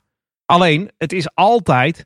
Ja, weet je, ik mag het natuurlijk niet zeggen, want het is natuurlijk... Weet je, maar gisteren ook weer de communiceren ze naar buiten toe... dat Stroll toch eigenlijk wel een probleem had met zijn auto. En ik heb er altijd vraagtekens bij, want dan denk ik... hadden ze dat ook gezegd als het Perez was geweest. Dit is het zoontje van de baas, dus tweeten ze dat uiteraard. Ik durf niet te zeggen of het waar is of niet waar is. Het zal vast waar zijn allemaal. Maar toch denk ik altijd, ze doen wel alles om eh Lance vooral verder te helpen in de Formule 1. In plaats van dat ze zich richten om het team verder te helpen in de Formule 1. En dat is voor mij een beetje hun valkuil. Er staat altijd een klein asterixje achter alles wat, Ja. wat Racing Point zegt. Dat is gewoon zo. Ehm, want het is uiteindelijk gewoon een familieonderneming. Het is geen topsport eh, wat die jongens bedrijven daar. Het is uiteindelijk gewoon een veredelde, eh, een veredeld eh, stukje speelgoed voor Land. Dat is, dat is gewoon het, het onderliggende probleem. En ook als er straks Aston Martin zijn, gaat dat niet veranderen. Je had toch een mooie vraag, eh, Jeroen Demmendaal, van Martijn Gijsbers. Die vraagt: Stroll is nog steeds een overrated paydriver die ondermaats presteert met het materiaal dat hij heeft. Daar doet één Turkse zwaluw niets aan af. Nou, dat vindt hij dus. Ehm, hij vraagt dan: wat is jullie take? Nou, ik vind dit wel, moet ik heel eerlijk zijn. Ik ben, ik ben nooit eh, Strolls grootste fan geweest, maar ehm, hij heeft natuurlijk wel gewoon talent. Hij kan natuurlijk wel gewoon rijden. Wat ik vooral heel veelzeggend vond, en daar had ik het eerder ook al over. ehm, op het moment dat het hem tegenzit. eh, dus gisteren, hij krijgt een paar banden die gewoon niet goed werken. Dan verliest hij zijn koppie gewoon. Dan, is die, dan heeft hij niet de mentale veerkracht om dan te denken: oké, nou ja, eh, ik heb nu een situatie eh, die, die moeilijk is. eh, daar moet ik me aan aanpassen en daar moet ik het beste van maken. En vervolgens zie je dus dat hij gewoon binnen een, een handvol ronden ook meteen drie, vier posities verliest. En dat is de zwakte van Lance Stroll. En ik weet niet of dat er op termijn uitgaat. Ik denk namelijk dat het ook gewoon een, een karaktertrek is. Ehm, maar dat is wel iets, vooral op dat mentale vlak op de, en op de snuggerheid. Daar heeft hij echt nog een hoop, eh, eh, een hoop te winnen. Maar dat er basissnelheid in zit en dat hij vooral dus in de regen echt heel goed kan zijn. En dat weten we inmiddels wel. Race Reporter, de Formule 1 podcast. Racereporter.nl Nou, dan komt nu het moment dat ik dus een lans ga breken voor Stroll. Ehm, want wij zijn altijd best wel hard als coureurs het niet goed doen. Best wel ongenuanceerd, maar wel gefundeerd vaak met goede feiten. Maar één dingetje wat ik ook met Max wel eens heb gevonden. was een heel mooi artikel. Ik weet niet of ik al eens eerder over heb gehad. Deliberate practice heet dat. En dat betekent dus, als jij een doel wil halen zoals de Formule 1, dan heb je gouden standaard voor van hoe ga je dat halen. Max Verstappen heeft daar bewijs van een universitaire opleiding in gehad richting de Formule 1. Dat is trainen met een specifiek doel. Consequent leren van feedback. eh, uit een discomfortzone, eh, of in een discomfortzone zitten. Dus trainen in de regen met Jos die op de baan gaat staan. Eh, zorgen voor een, sterk fundament. Betrokkenheid, focus, eh, mentale prestaties, expert coaching. Kijk, Max is op een hele vroege leeftijd is naar een gigantisch niveau toegestegen. Eh, wat je ook voor mij ooit met Senna zag, met Schumacher, met Hamilton en met Max. Stroll, die heeft altijd onder de vleugels van papa gezeten. Met heel veel geld, bij de goede teams. Maar die wordt nu wel in de Formule 1 uiteindelijk ook in het diepe gegooid. En dat zie je ook met een ehm Mazepin. Die jongens, doordat ze toch in die discomfortzone komen, doordat ze die ervaring hebben, doordat ze gecoacht worden, komen zij gewoon op een bepaald niveau. Wat wel voldoende is voor de Formule 1. Eh, Max, daar is ook heel veel geld tegen aangegooid, heel veel coaching, heel veel aandacht. Die heeft die luxe gehad. En dat is wel soms die discussie met neemt iemand eigen geld mee of heeft hij sponsors? Het is hetzelfde geld vaak. Iemand moet de rekeningen betalen. Dus in dat opzicht wil ik ook wel een lans voor Stroll breken. Eh, er zijn coureurs die hebben statistisch gezien veel meer schade gereden of ellende gehad op de baan of langzamer. Dus het is niet allemaal slecht. Wel ja, ik bedoel, ik heb in het verleden heb ik de Gaston Mazzacanes van deze wereld achter eh, zien Ja. rijden. En de Esteban Tuero's. En, en eh, Ricardo Rossetti deed best aardig in de Formule 3000. Maar vervolgens stapte hij in een Arrows en kreeg hij vier seconden per ronde naar zijn broek van Jos Verstappen. En daarna stapte hij in een Tyrrell en toen was het helemaal huilen. Eh Lance Stroll is veel beter dan al die jongens. Maar ehm, wat jij zegt, die tegenslag en daarmee leren omgaan, dat heeft Ja. hij nooit geleerd. Hè? Want Max die zetten ze vanuit de cars meteen in een Formule 3'tje. En ga, maar, ga maar zwemmen, jochie. Meteen in het diepe. Ehm, bij hem is het natuurlijk zo geweest. Bij Lance hebben hem in, een- in die Prema gezet. En vervolgens is papa Stroll een beetje met zijn portemonnee gaan eh, zwaaien. Zodat alle aandacht naar zijn zoontje toe ging. Ja, toen won hij Europees Formule 3. In Ja. optimale omstandigheden. Ik denk wel dat hij een, een leerschool heeft gehad bij Williams. Omdat dat natuurlijk, dat viel niet mee. Williams was echt wel, dat zat wel echt tegen. Maar nu, als je nu ziet bij, hij zit nu in een hele, hele, hele goede auto. En hij haalt gewoon niet de pieken die een Sergio Perez haalt. En dat komt gewoon omdat hij gewoon die bandbreedte niet heeft. Nee. Eh, dus absoluut. Is hij F1 waardig? Ja. Is het eh wereldkampioen materiaal? Absoluut niet. En, en toch krijg je daardoor ook wel, zoals sommigen dan noemen, een stukje framing. En dat je ook wat met een Maldonado. Nou, die veroorzaakt ook echt heel veel crashes en ellende. Maar, op een gegeven moment wordt dat... Op een gegeven moment wordt dat ook wel zo'n dingetje, zeg maar. Weet je wel? Terwijl eigenlijk, als je naar andere coureurs gaat kijken, zit hij er gewoon een beetje tussenin, volgens mij. Ja, we hadden er drie. Ehm, Albon, Lens en eh, Bottas. Straks hebben we Ja. nog maar twee. Maar goed, wij zijn ook altijd wel de eerste dat als iemand het dan goed doet, want Abiteboel branden we altijd af. Nou, Ja. Bottas doet het helaas nog steeds niet echt heel goed. Maar goed, alles relatief. Ehm, ik vond Lens dit weekend, ik vond hem wel echt heel goed. Wat hij heeft neergezet in de kwalificatie. En ook dat hij gewoon aan de leiding van de race rijdt en daar nog niet knakt. Want uiteindelijk was hij door de pitstop teruggezet. Ik vond dat Nee, dat goed deed hij goed. Deed Ja, dat goed. deed hij goed. Absoluut. Ja. We gaan kijken naar het middenveld. Racing Point en Ferrari slaan toe. Mooie resultaten. Mooie races. Ging de snelste ronde van eh, Lando op zijn verjaardag, geloof ik. Eh, was hij niet zaterdagjarig? Nou, het verjaardagsweekend in ieder geval. Nee, goed, kijk, Ferrari eh, voor het eerst in jaren goed in de regen. Yep. Die deed het goed. En eh, Binotto die was er een keer niet bij. Daar grapte Vettel ook al even over, maar die meende het gewoon volgens mij. Ehm, eh, mooie eindfase sowieso voor Ferrari. Zo, De start was prima. Ferrari hebben gewoon een hele goede race gereden. En uiteindelijk Vettel die toch nog met het podium er vandoor ging. Dat vond ik dan wel weer leuk. Dat gun ik hem. Ehm, voor Leclerc was dat even wat minder op het eind. Die volgens mij Sainz of Perez probeerde in te halen. Maar Eh dat lukte Perez. niet. Perez, ja. Ehm, En dat lukte niet en toen kwam Vettel er ook nog ja, vond ik prima. Ehm, verder qua middenveld. Ja, Racing Point. Die kan het nu al bijna geen middenveld meer noemen. Want top. met 1-2, het zou Ja, subtop vind ik worden. Eh, maar die had hier natuurlijk wel echt een mega slag kunnen slaan voor het kampioenschap. Als zij hier die, die 1-2 hadden kunnen binnenhalen. Ja. Dan hadden ze echt eh, die, die derde plek al eh, met één eh, hand vast kunnen hebben. Ik maar had goed, ze echt gegund hoor. dat, dat was ze in dat opzicht niet gegund. Maar goed, Nee, dankzij ja, de Ik P2 ook- van ik ook Perez. niet, maar- Nee, de P2 van Perez, eh, prima punten.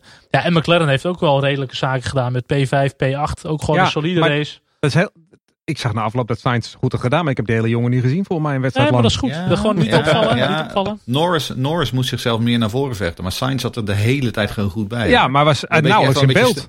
Hè, zoals de, eh, de, de, de Ja. ouderen onder ons zullen wel denken Couperus, de stille kracht. Maar dat was echt eh, Carlos Sainz. Ah, eh, Hij gisteren. profiteerde ook, Sainz profiteerde mooi ook van een foutje van Ricciardo. Nou, dat zijn zeldzame foutjes, dus hij zat er goed bovenop. Nou, Norris die forceerde zich nog één keer, zoals ik dat vroeger in de racegames deed. Gewoon aan de binnenkant van Russell, eh hup, banden tegen banden en eh, aan de binnenkant er voorbij.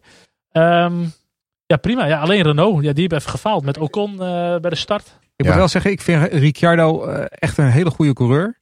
Maar in de regen vind ik hem niet ijzersterk. Nee. Ik weet ook nog, eh, als je bijvoorbeeld ter- terugdenkt, makkelijkst voorbeeld Brazilië 2016, dat Max zo excelleerde. Was het 2017 of 16? 16. 16, ja. Ja. Toen eh, gingen ze alle twee natuurlijk zo laat naar binnen. In de, en, en Max was, was echt twee klassen beters in de regen. Ik vind Ricciardo in de regen, moi. Nee, snap ik hoor. Eens. Eens. Maar goed, eh, Ocon eh, bij de start, die volgens mij zelfs zijn teamgenoot al een beetje aan het afsnijden was en aan het afknijpen. En die Ja, wat- spinde wat ging daar mis? Ocon kreeg een, eh, kreeg een beuk van Ricciardo. Ja, die kon er Ja. niks aan doen. En Ricciardo gaf Max weer de schuld. Ik vond het, als ik hem van buitenaf zag, vond ik Nee. juist dat Ocon al heel erg naar binnen aan het snijden was. En Ricciardo, die had Nee, volgens mij Hamilton aan de Nou, binnenkant. Dus die kon ook Ocon weer- Het kon er aan alleen, doen. weet je, er zat natuurlijk gewoon geen temperatuur in die banden. Dus iedereen blokkeerde Ja, ja, remmen. En dan raak je elkaar gewoon... eh, ja, je Ja. kunt zeggen, Ocon had wat minder risico moeten nemen. Maar Ocon kreeg gewoon een tik. Zo simpel is het. Maar uiteindelijk finisht hij maar net achter Ricciardo. Want Ricciardo zat er helemaal niet zo heel ver voor. Nee, dat precies. geeft dan weer aan inderdaad. Ja, ik- is in de eh, regen over het algemeen wel goed namelijk. Ja, Ricciardo is in de regen wat matig. Maar dan heeft hij wel als voordeel dat hij dan matig is in de regen. Maar goed is op het droog. En Stroll het precies andersom. Maar je Ja. kan beter goed zijn op het wat, droog. wat, wat ik wel opmerkelijk vond, was dat Alfa Tauri gewoon echt helemaal nergens Nergens. Nee. Helemaal nergens. Nee. Terwijl die Nee. echt wel een aantal hele goede races hebben gehad Ja. nu. Met echt goede Ook niet in punten. Maar, kwalificatie. maar nu gewoon echt helemaal nergens in die regen. Nee, gewoon nul scoren voor het team, zonde. Nou, verder, ehm ja, de Renault heeft gewoon wel veel laten liggen. En dat zie je nu ook meteen in de, in de stand. Ja. Eh, de resultaat is dat Racing Point nu P3 staat eh, met 154 punten. McLaren is alsnog 5 punten erachter op P4. Ja, Renault die zit daar dan weer 13 punten achter. En dat, dat klinkt niet als heel veel. Maar eh, met nog drie races te gaan in eh, zo'n zo'n middenveld dat zo dicht bij elkaar zit. Ja, is de vraag of ze dat nog gaan goed, eh, goed maken. Ik wil het nog even hebben over eh, onze grote vriend Albon. Ja, ook middenveld natuurlijk, hè, Albon. Ja, Ja, Ja, we, hebben- we hebben hem net, e- net even niet eh, besproken, maar eh, Nou ja, wat ik zei. hij, hij zei dat hij had kunnen winnen. schot voor open doel gemist. Hij Ja. had het nu moeten doen eh, nu Max weg was. En de Mercedes van achteren kwamen toen nog. En eh, dat heeft hij niet gedaan. En hij heeft aangetoond eh, daarmee dat ze niet op hem kunnen rekenen. Dus ik vond dit weer een... eh, uiteindelijk, hij reed heel, heel lang heel goed. Maar uiteindelijk Ja. doet hij gewoon heel slecht. Het is geen, het is geen closer, hè? Als hij Nee, dat stoeltje bij Red Bull precies. had gewild, dan had hij deze moeten pakken. En natuurlijk, Max spint ook twee keer. Nou, één keer dan echt achter Perez in gevecht. Ja, maar Max hoeft zich niet meer te Dus bewijzen. ik en Albon wel. dat, ja, maar Albon had het nu gewoon kunnen doen. En dat is wel zonde voor hem. Want hij had echt gewoon een goed weekend. Ik vraag me af hoe anders zijn seizoen gelopen zou zijn als hij in Oostenrijk gewoon gewonnen had. Ja, niet. Is dat, is dat, is dat het moment waarop hij waarop die, is dat het moment waarop hij geknakt Nee, maar daar Ja, zou niet in. Oostenrijk gewonnen hebben. Want net wat je zegt, hij is geen closer, hij is geen killer. En als je gewoon, ik heb het al eerder gezegd, je gewoon als zijn junior resultaten zijn, dan, dan is dit gewoon een heel logisch gevolg daarvan. Hij komt tekort voor dat niveau. Maar Voor is- is- niet voor de is Formule 1 eigenlijk- zelf, maar wel voor de top van de Formule 1. Hij is eigenlijk een soort Brandon Hartley, die ook als een soort van stopgap binnen werd gehaald. Het enige Ja. verschil is dat hij aanvankelijk wel een indruk naar achterliet en Hartley niet. En Nee. dus werd Hartley na één seizoen er gewoon weer uitgebonjourd. Eh en, eh, en mocht Albon het inderdaad. Ja. eh, die, had, die had geluk dat Gasly zo slecht was in die Red Bull. En er geen alternatief is. trouwens, Nee. nu je dat zegt, nu je dat zegt, hebben we ook een Christian Klien gehad. Maar die werd vervangen door Dornbos, meen ik. Ja. Ja. Maar waarom hebben ze dat dan niet bij Albon gedaan? Ja, goed, ze hebben natuurlijk niks op voor de- handen. de- Robert Dombos rijdt niet meer. Nee, Robert Doornbos wordt wel lastig. Maar ja, Ja. Wie, wie, wie heb je dan? Dan heb je Sebastian Buemi en je hebt Sergio Sette Camera. Ja, Ga je ja. daar dan de oorlog mee winnen? Dat denk ik ook Nee, niet. dat is ook niet. Ja, je had Hulkenberg zo erin kunnen zetten. Ja, tuurlijk. Maar ik bedoel, als we kijken naar het Ja, model clean, zeg Nee. maar. Dat je dan Nee, inderdaad nee, een van je, van je Nou. reserves erin Ja. zet. Ja, dan, Ja. dan heb je Ja. dus Sette Camera en, eh, en, en die Nou. Vlaaf. Jij zegt het, maar ik heb heel lang, heb ik echt gevonden, oprecht, dat Buemi, dat hij te snel gewipt is. Dat hij wel Ja. die stap had kunnen, maar nu niet meer. Ja. Maar toen de tijd had hij die stap naar Red Bull in mijn ogen nog steeds wel. Ik vond het echt, ik vind het nog steeds een goede coureur. Ja. nu is hij te lang weg. met, Nu, eh, nu moet je het niet meer halen. Felix Maar, Acosta, hè? Felix de Ja, Costa ook. is er ook eentje die Ja. ze gewoon te vroeg hebben gedumpt. Absoluut. Oh, en verder, ja, dat is eh, wat eh, niet meer het middenveld, maar weer wat meer naar achteren toe. Ik ben al, ik vind het juist fijn als we altijd alle teams en alle coureurs toch een beetje aanstippen. Maar zoals een Alfa Romeo, die gewoon een hele goede kwalificatie had. Ja, allemaal 8 en Q3. 10. Ja. eh, vallen gewoon door de mand. Haas ook niet in eh, positief opzicht Nou, eh, gezien. Nou, Grosjean eh, reed heel lang niet, niet in het Gent. nee, Vond maar ze wel één keer afgegaan. En de kwalificatie ook al. Maar goed, dat is zonde. Ja, Williams, die kon ook geen vuist maken. Dan hebben ze een race dat ze wat kunnen profiteren. Maar die ging ook gewoon niet. Latifi niet goed. Die, die Grosjean ook, die tijdens Q1. Ja, het is om, eh, impossible to qualify during these circumstances. Ik denk, jeetje man. Ga gewoon, ga, je hoort bij de beste 20 per wereld. Hè? Misschien moet je gewoon je werk eens gaan doen, man. Latifi was ook wat langzaam hè, in Q1. oh, Latifi was iets Latifi langzamer. was iets langzamer dan Verstappen nog hè, in Slechts Q1. 24 seconden. 24 seconden man. Ja. Nog een, vraag, nog een een vraag ben ik gekregen van Lars. Ja, die eh, zegt eh, Vettel op het podium en Leclerc op 4. En dat allemaal terwijl eh Matteo Binotto er niet is. Dus zou het gewoon beter zijn voor Ferrari als Binotto voortaan gewoon in de fabriek blijft werken. In plaats van dat hij op de pitmuur zit. nou ja, ik dacht meteen, zou Matteo Binotto, hebben jullie ooit Matteo Binotto en de dronken Baviaan in één ruimte gezien? Ik weet het niet namelijk. Oh, dat is zo'n Scooby-Doo masker aftrekt en dan... eh, ja, exact ja. Hij heeft wel zo'n maskerhoofd, die Binotto. Hij heeft echt een maskerhoofd, ja. Als ik, als ik ooit nog eens een bank ga beroven, dan wil ik een Matteo Binotto masker. Een Daar krijg je geen carnaval. geld mee hoor, denk ik. Volgend jaar carnaval. Kalender 2021. Mijn eh, vriendin wil met mij volgend jaar naar Vietnam. Misschien kan ik dat eh, eh, combineren. Maar nee ja, dus. maar er is geen race. Nee, er is dus geen race. Ik zei nog tegen haar, want laten we dan naar de Grand Prix gaan. Nou, dat gaat dus ook niet door. Geen Vietnam, wel Saoedi-Arabië. Nou, daar hebben we van de week uitgebreid over gepraat in onze WhatsApp-groep. 23 races volgend jaar. Ja, dat is een beetje veel hè. Goeie genade. Ik, 23 eh, podcasts ook. Ja, minimaal. Of 22. Het is echt absurd. Minimaal. Eigenlijk mogen we het niet zeggen als Formule 1 liefhebbers, maar ik zag dat ook al bij de Formule 2. Jongens die daar werkten, die gewoon niet in de Formule 1 wilden, want dan was je gewoon 22 weekenden van huis. Nu met 23. testsessies wordt het gewoon 25, 26 weekenden. Ja, dat het kan wel- Maar ik vind gaan wel dit, terug maar ik naar vind die, dit dus eh, absurd, juist omdat ik een liefhebber ben. Het is hetzelfde, Ja. zeg maar, zoals als Ja. je mij een hele grote schaal chocolade voorzet. Als ik op een Ja. gegeven moment een paar stukjes gehad heb, dan heb ik alweer genoeg. Je, Ja. het, pu- het punt is namelijk, te veel, of too much of a good thing, eh, is ook niet goed. Ja. Eh, en ik vind 23 races echt absurd. Alles met te ervoor is Maar dat slecht, is toch- dat is toch tevreden. Opvallend, want we hebben het over budget cap. En hoe moeten we dit nou allemaal aanpakken? En dan gaan we er 23. Brengt ook geld in het laadje, hè? Ja, dat is true. Ja. En Liberty moet eh, de gaten vullen. Die hebben een hoop, een Dat hele is hoop waar. geld verloren dit jaar. Dat is waar. Goed, eh, no- eh, Zandvoort, Zandervoort eh, gaat naar het eerste, de first weekend of september. Ja, wordt dus een regenrace. Lachen toch? Super. Lekker toch? Ik, ik, ik, ik, ga mijn week alweer boeken hoor. Ik kom gewoon weer een hele week die kant op. Ja. Ik zag Ja. wel een hoop mensen die, eh, die, die kinderen hebben en die eigenlijk de, de vrijdag tickets hadden met de kids naar de Formule 1 te gaan. Nou ja, dat kan niet, want het is na de vakantie. Eh, dus dat is wel Ja. wat minder praktisch. Persoonlijk vind ik het wel jammer, eh, een stukje inleiding misschien, dat de, de Formule 2 en de Formule 3 gaan ook vanaf volgend seizoen niet meer tegelijk in de weekenden rijden. Oh. Dus het ene weekend pakt de Formule 2 en dan het andere weekend weer de Formule 3. Eh, de W-series komt ook eh, in het voorprogramma van de Formule 1, vrouwen, dus eh, de, de ja. vrouwenseries. Maar de Formule 2 gaat niet naar Zandvoort. En dat vind ik persoonlijk wel jammer, want daar liggen voor mij Ja. nog wel wat mooie connecties. Maar goed, dat komt uiteindelijk ook wel weer goed. Ja, maar Formule 3 is toch ook leuk voor jou? Wat zeggen, moet je gewoon die connecties maken in de Formule 3. Heel simpel. Ja, dat komt wel goed. Logootje op de auto. Let's go. Ja, je moet Joey Alders eh, de Formule 3 Joey Alders in die toch? Ja, Formule 3. ik- Huppakee, Absoluut. gaan. Ja, nee, eh, ik Kom op, gaan. Doe je best. Ga eens bellen. Ja, we wilden Formule 2, maar dan doen we Formule 3 gewoon. Kom op, Ja. eh, Charles Weber. Oké, nou, ik ga er vandoor. Ik ga er vandoor. De vraag over waar we het van de week over gehad hebben. eh, Moet Formule 1 in dubieuze landen eh, gaan racen zoals Saoedi-Arabië? niet, maar ze Nee, willen maar- het wel. Ja, geld. Maar, en in een slecht coronajaar waarin weinig geld wordt binnengehangeld, zal dat eh, heel aantrekkelijk zijn. Het is een contract voor tien jaar, heb ik begrepen. Dus het zal financieel eh, eh, Tien zeer... jaar? Tien jaar, heb ik begrepen, ja. Waarvan de eerste Ja. drie jaar volgens mij in Jeddah en op een stratenrace, wie Herman Tielke voor ons gaat tekenen. En eh, daarna komt er een permanent circuit ergens anders in dat eh, vreselijke land. Maar ja, ik vind, ik, weet je, ik ben een racefan en ik kijk alles. En als ik op vakantie ben, dan kijk ik een race later wel terug en zo. Maar ik heb ook wel zo mijn grenzen. En ik vind Saudi-Arabië qua land, politiek gezien, eh, vind ik dat helemaal niks. En ik vind eigenlijk dat de Formule 1 daar niet naartoe moet gaan. En eh, ik ben heel blij dat Lewis Hamilton, die heeft daar ook iets over geroepen nu. Hè? Niet zozeer over Saudi-Arabië, maar die heeft nu eh, vanochtend in de, in de krant gezegd dat eh, F1 should be held accountable for where it races and it cannot ignore human rights. Nou, dat vind ik op zich een hele goeie. En dat vind ik eigenlijk dat je dat één op één met na Saudi-Arabië zou kunnen leggen. Gelukkig ben ik door mijn kritiek eh, op deze race in contact gekomen met een dame die heet Oh ja. Lina.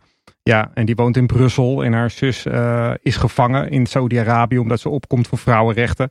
En ehm, die wordt daar eh, mishandeld en verkracht. En, en nou heel slecht behandeld in ieder geval. Die zit al 2,5 jaar daar in de gevangenis ten onrechte. Nou ja, die is dus bezig. Die heeft een organisatie achter zich staan, die zus dan.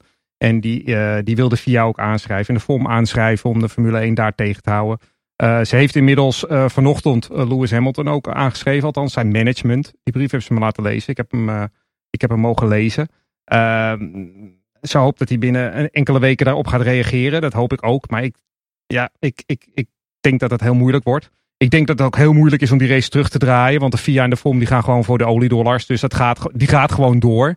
Maar goed, het is natuurlijk wel handig dat ehm, eh, dit soort ehm, eh, vrouwen en organisaties die eh, tegen zijn op die race, van zich laten horen en dat wel kenbaar maken. Dus eh, ik steun dat wel heel erg, ja.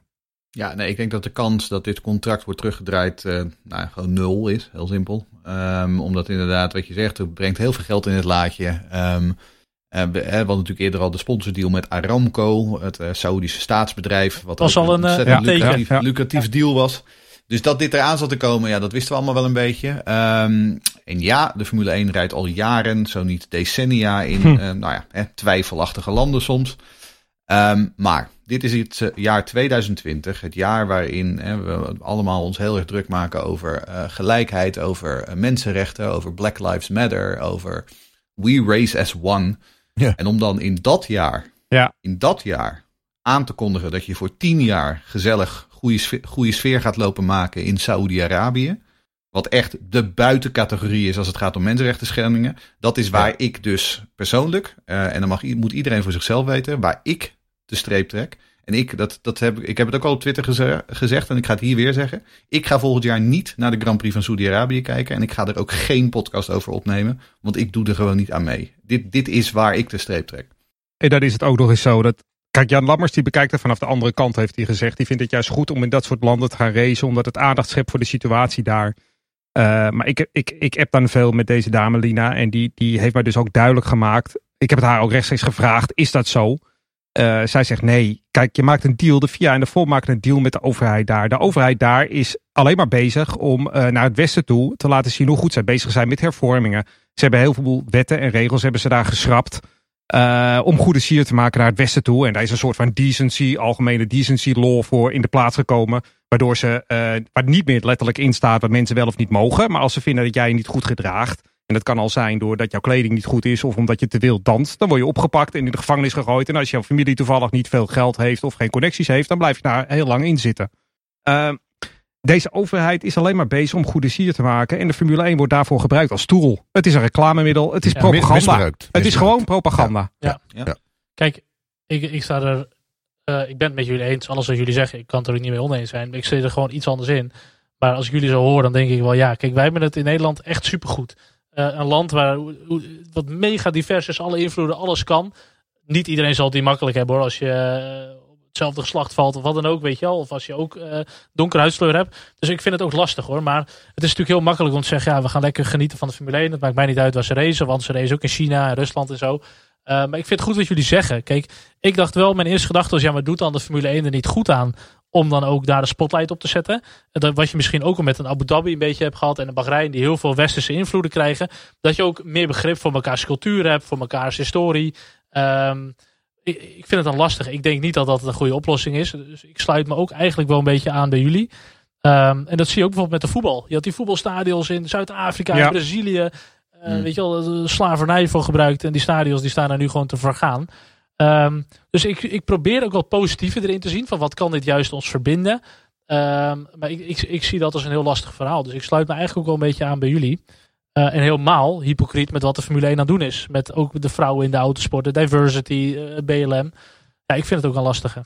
Ja. Nou ja, en wat natuurlijk ook zo is, kijk, je kunt wel zeggen van ja, maar hè, nu brengen we, hè, door de Formule 1, door daar naartoe te gaan, brengen ze dit onder de aandacht. Maar laten we wel wezen, ehm, dat Saoedi-Arabië en de mensenrechten niet heel erg goed door één deur gaan. Dat is geen nieuws, hè. Dat weten we al heel Ja. erg lang. Ja, Want de ja. Al-Saoeds zijn namelijk al sinds de jaren 30 eh, van de vorige eeuw aan de macht. Ehm, en dit is altijd al zo geweest. Dus we kunnen niet altijd zeggen, ja, maar nu gaan we er echt aandacht aan besteden. Nee, en dan zeker gedurende dat weekend dat de Formule 1 daar is. Nou, dan gaan we er echt heel erg veel aandacht aan Nee, besteden. dat- En, juist- dan verandert, en dan verandert alles.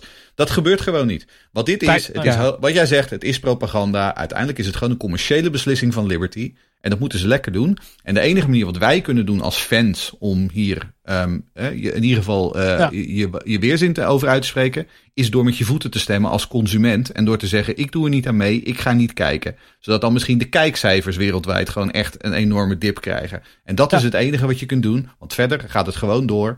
En eh, ik, ik hoop echt dat Lina eh, succes heeft, maar ik vrees het ergste. Goed, wat jij al zegt, jij gaat dan niet podcasten. Nou, ik denk dat hier nog iemand aan tafel zit die daar ook niet over moeite mee zou hebben. Ik had zelf wel een leuk ideetje, maar daar zullen we dan te zijn de tijd nog eens op terugkomen. Ik denk wel we, dat je... we denken wel wat anders. Maar Ja, ik ga niet ik denk wel dat je in deze- Saudi-Arabië. Ik, ik, ik vind het wel goed, weet je wel, dat, dat we er iets aan willen doen en ook een signaal willen afgeven. Maar dat moet je soms ook op een, op een hele andere manier doen. Nou, wat ik zeg, ik had er wel een leuk ideetje voor, maar dat gaan we nog wel eens even, even bedenken hoe we dat gaan doen. Maar ik weet er genoeg. Een voorstelronde van een uur of zo. Nee, ik kan me Stukje- goed, ja. Ja, een stukje Of een, autosport, of een podcast van een, van een, eh, van een Ja. minuut. Wat vond jij van de race? Niet gezien. Oh, jij? ik ook niet. Dat Ehm, de Mand eh, podcast. Ja, man. Opnieuw, opnieuw twee triple headers. Ja, als, je, als je dan hebt over de kalender voor volgend jaar. eh, dat de, de, de, de, de teamleden, de monteurs, die gaan nu aan. Want het is, het is echt veel achter elkaar. En het is reizen, Ja. opbouwen, hoogste niveau, afbouwen, reizen. En achter elkaar door, achter elkaar door. En 23 races in een jaar. Ja, ik weet niet of ze nu met twee, verbaasde me wel. met twee eh, teams gaan werken per, per team, zeg maar. Dat ze het kunnen afwisselen. Ja, dit is... eh, Nou, die triple headers verbaast me wel. Die eerste Ja. is natuurlijk eh, België, Zandvoort, nee, eh, Monza. Eh, maar je hebt er even verderop nog eentje. Eh, en ik weet ze even niet uit mijn hoofd. Maar dat is best wel een pittige onderneming. En, Ja, Azerbeidzjan was- naar Canada geloof ik binnen een Ja. week. Dat Ja, is echt wel zoiets een, zit dat is erbij, een ja. beste trip. hoor. Dat is een ja, beste dat is een beste trip. Ja, een heel gedoe. En eh, dat verbaast me eigenlijk wel dat ze er toch weer. Maar ja, weet je, het is eigenlijk hetzelfde als race in Saudi-Arabië. joh. Het levert geld op en dan proppen ze het toch lekker drie achter elkaar. Wat kan hun het schelen dat die monteurs en die ingenieurs een vrouw nooit zien? Ja. Dat interesseert hun toch geen flikker? Ja, vlieg je die over. Ja, geld. Poem. Ja. Precies.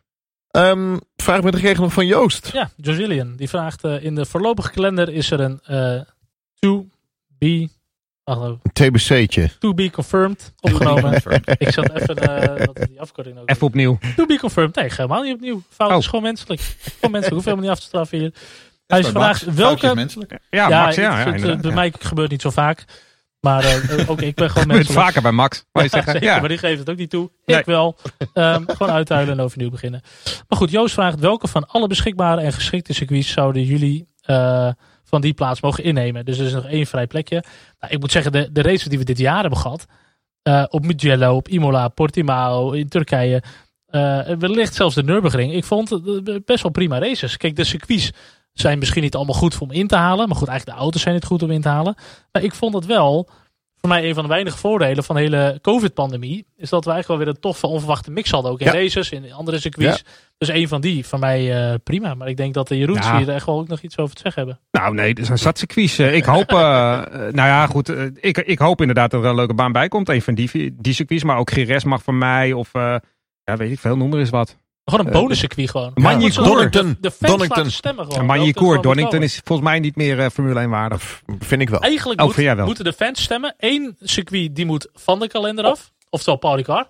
En Ja, één Paul circuit Ricard. mogen we erop stemmen. Nee, we moeten natuurlijk dat, dat ovaltje waar we over twee, re- twee weken naartoe gaan. De De- de- die, die oval van Jeroen Demmerdaal. Die, die, oval. Oval. Die in Bahrein, die moeten we natuurlijk gaan doen. Ja. En je hebt, eh, in Engeland heb je Thruxton, dat is net zoiets. Kun je ook gewoon een oval noemen. Engeland zet ook wel een paar mooie circuitjes. Zo, Ja, zeker weten. Toka 2, Ja. ken ze allemaal. Alton Park is vast heel erg eh, Great Ja. One circuit. Snetter, snetter, Nee, maar Snetterton. Ja. als ik echt moet Ja. kiezen, Ja. als ik moet kiezen, doe dan toch maar Mugello nog een keer. Ja, ik wil Imola. Ik, wil vind Imola, Imola. historisch vond ik dat Ja, echt eh, bizar. Maar dan wel met fans erbij en dan gaan wij gewoon Ik heen. wil zeggen, met fans erbij, dan wil ik er wel heen. Unraced F1, die zei jongens, als jullie naar de Grand Prix van Turkije willen, dan kan hij eh, van alles al. Hij kent heel veel mensen in Komt hij Turkije. nu mee? Ja, voor volgend seizoen. dus we kunnen naar de Turkse Grand Prix. eh. Die staat niet op de kalender. nee, maar die moet dan dus Ja. op die Oh. to be Dus dan komen. moeten we hem Ja, een maar ik jaar te voor vriend mij, houden. ik denk, ik, wat ik altijd begrepen is, Turkije wil dat niet meer permanent. Maar ah, Maleisië kan ook nog, hè? Dat is ook een aardig baantje. ja. Ja. Maleisië, hak in eh, Jos Verstappen, regen. Ehm, de, we gaan vooruitkijken naar Bol. de, de komende race. Ik heb expres geen bol gezegd deze. Nee, ik doe het nu. Jij, jij ook geen true. Inderdaad. inderdaad ook niet. Inderdaad. Ehm, komende race Bahrein. En die vindt plaats op 29 november. We hebben nog maar drie races te gaan. Bahrein. En we gaan weer een voorspellingje doen. Maar eerst, wat verwachten jullie ervan? Verwachtingen wil ik horen. Eh, Van Bahrein, nou ja, Ja. eh, niet zo heel veel eigenlijk. Nee, ik verwacht nooit Eh, zoveel van Bahrein. Nee, ik vind, het is geen lelijk of verkeerd circuit. Maar het is gewoon het levert een- ook. Wel redelijke races op meestal. Ja, maar het is ook weer gewoon zo'n baan wat je. Ja, weet je, er zijn er 13 van in een dozijn. Op papier moet dit de meest voorspelbare race van het seizoen gaan worden. Want, Want? dit circuit kennen we. De weersomstandigheden zijn stabiel. Dan wordt We het hebben een al leuke bijna een race. heel seizoen gehad. Mercedes is sterk. Dus eigenlijk moet dit de meest voorspelbare zijn. Dan wordt, het- nee, dan wordt het een leuke race. Want we hadden België, dachten we ook dat het wordt een leuke race. En dat was maar een van de saaiste dit jaar. Nou ja, het kan best een leuke race worden, want het is best een aardig scream op te racen. Alleen dat, wat ik zeg, ik, he- ik heb niets met die baan. Net als dat ik met Turkije aan zich ook niet zo heel veel heb. En Abu Dhabi vind ik nog, nou dat vind ik nog wel wat erger ook. Eh, dat zijn allemaal van die, van die nieuwere baantjes, ja. Ja, en Mercedes is hier traditioneel gewoon ijzersterk. Dus om heel Ja, ja, Eh, ja. kijk, Ferrari ook. Maar Nee, daar hoeven maar- we dit jaar ook niet op te, daar hoeven we dit jaar niet op te rekenen. Nee, maar Mercedes Ehm, gaat alle drie de races nog winnen hoor. Abu Dhabi, eh, kom op. Ferrari dat trouwens, ook even ook terug op de race. Ferrari ook gewoon bij, bij Leclerc weer, gewoon- ging weer niet lekker hè, met de pitstop ook gewoon. Oh, Eh, eh, nee, maar bij Max ging het ook niet super hè. Nee, bij, bij Perez ook niet trouwens. Dat Nee. ging ook niet helemaal Nou. lekker. Goed, mijn, mijn verwachtingen zijn dat eh, Lewis in dienst gaat rijden van Bottas. Die gaat hem eh, helpen om niet Oh te ja, spinnen. ja, ja, El Bottas Moet mag nog een wel- paar races winnen natuurlijk. Moet hij wel heel langzaam gaan rijden. Oh nee, we gingen Bottas niet afbranden. We gaan eh, positief doen. Voorspelling. 1, 2, 3 en de nummer 10. Oh, dan moet ik eerst hè, als leider in het Ja. kampioenschap. Ik had wel ja. eh, nul scoren dit keer. Ja. Ehm, nou, dan ga ik, ik ga gewoon weer voor een klassiekertje. Ik ga gewoon Hamilton, Bottas, Verstappen, Vettel. De vloek om P10 hè? We hebben nog niemand heeft P10 gehad. Nee, P10 Wat is kijk moeilijk. je, wat Serieus? kijk je moeilijk, eh Jeroen Schot. Ja. Oké, nou ja, goed. Dan eh, ga ik het Ik eh, zeg, proberen. ehm, ik zeg Bottas wint, Hamilton wordt tweede, Verstappen wordt derde en Norris wordt tiende. Nou, ik ga dan toch voor Lewis Hamilton als eerste. En Bottas als tweede. En Max als derde. En eh, Ocon als tiende. Je weet dat je dan niet meer dan 10 punten kan inlopen op mij? Ja, maar ja, ik kan ook onzin gaan voorspellen. Nee, dat Ja, doe dat ik. Dat doe ik Ja, altijd. dat, Au. dat heb ik al gedaan de afgelopen drie races. ik zeg dat Max gaat winnen. Dan ehm Lewis. En dan eh, pff, eh, Norris derde. En tiende wordt Perez. Ja. Ja, ik heb Nee, maar niks- ik bedoel, je kan wel proberen in te lopen op Charles, maar er, is, Nee, er dat gaat heus een Mercedes winnen. Dat Ja. is gewoon... Ik doe dus ook mee aan die, aan die pool van nu.nl. Die hebben ook zo'n GP-ding. Ik sta gewoon 16 puntjes achter de nummer 1. Hè. Ik sta op plekje 10. Er doen gewoon 46.000 man mee. Hoeveel- Joost Nederpelt, Moeken, jongen, kunnen allemaal inpakken. Ik voorspel gewoon eh, alles hier gewoon. Ja, maar ja, Ja. dat- daarvoor hebben we jou ook uitgezonden. Ja, dat, is Hoe- waar. dat is ook maar- de enige reden Ik dat ik zeggen, gewoon. ik vind, ik vind dit wel een beetje pedant en arrogant. eh. Ja, een beetje wel, hè? Nee, klopt. Ja. Maar dat, eh, ik moet ook Moet je mee oppassen hoor, met dat soort dingen. Ja, ja, Ja, sorry man. Maar Hoeveel, hoeveel prijs heb je gewonnen in je leven? Ja, genoeg. Nee, Ja. daar gaan we het nu niet Ja, over maar je- Kunnen we nog een podcast filmen? Je kan ook in, inzetten op, op sportwedstrijden, hè? Als je er zo goed in bent. Nee, joh, dat, eh, ik heb geluk in de liefde, niet in het spel. En je hebt geluk met je podcastvrienden. Ook nog. Ja, zeker. Ja, Zeker. Ook dat nog. Hebben we Dat alles gehad? Hebben we We alles hebben alles gehad? gehad volgens mij. Nee, alleen de vieze auto's. Ik vond die vieze auto's echt fantastisch. Ja, lachen hè? Vind ik mooi. Ja, ja, het lijkt wel Le dat Mans. een Het lijkt wel ja. oorlogsschepen gewoon. Ja. Dat is toch Jij top? vindt vieze dingen, jij vindt vieze dingen Ja, wel mooi, hè? Jij? Dol op vieze dingen, joh. Nee, vind ik leuk. Dat zie je niet. Die Formule 1 is altijd zo klinisch. Ja. En nu met al die viezigheid en regen shit. eh. Ik vind het mooi. Ja. Hou ik van. Ik ga jullie weer bedanken. Dank voor deze aflevering. Ik vond het gezellig, vond het leuk. We hebben er nog drie te gaan. Dus laten we er nog van genieten. Dag, dag, dag, Dag, dag, dag, dag, dag. Race Reporter wordt mede mogelijk gemaakt door gptoday.net en een aantal donateurs, een aantal leden. Rick Debets, Frank Theben, Maarten Evertsen, die ook een vraag stelde deze aflevering. Mark Niesthoven, Rowdy Rabau, Remco Zoon, Eddie, Chris, Niels en Karin. Super bedankt. Ook nog een aantal eenmalige donaties van ZZ Zandbergen, Hendrik Sijp en Marco Post. Nog een aantal super donaties, super supporters noemen we ze. Daan Legrande, Harry de Groot en Annelies Bier. Super bedankt. Wil je ook ons ook supporten? Ga naar f1podcast.nl slash support. Dat is f1podcast.nl slash support.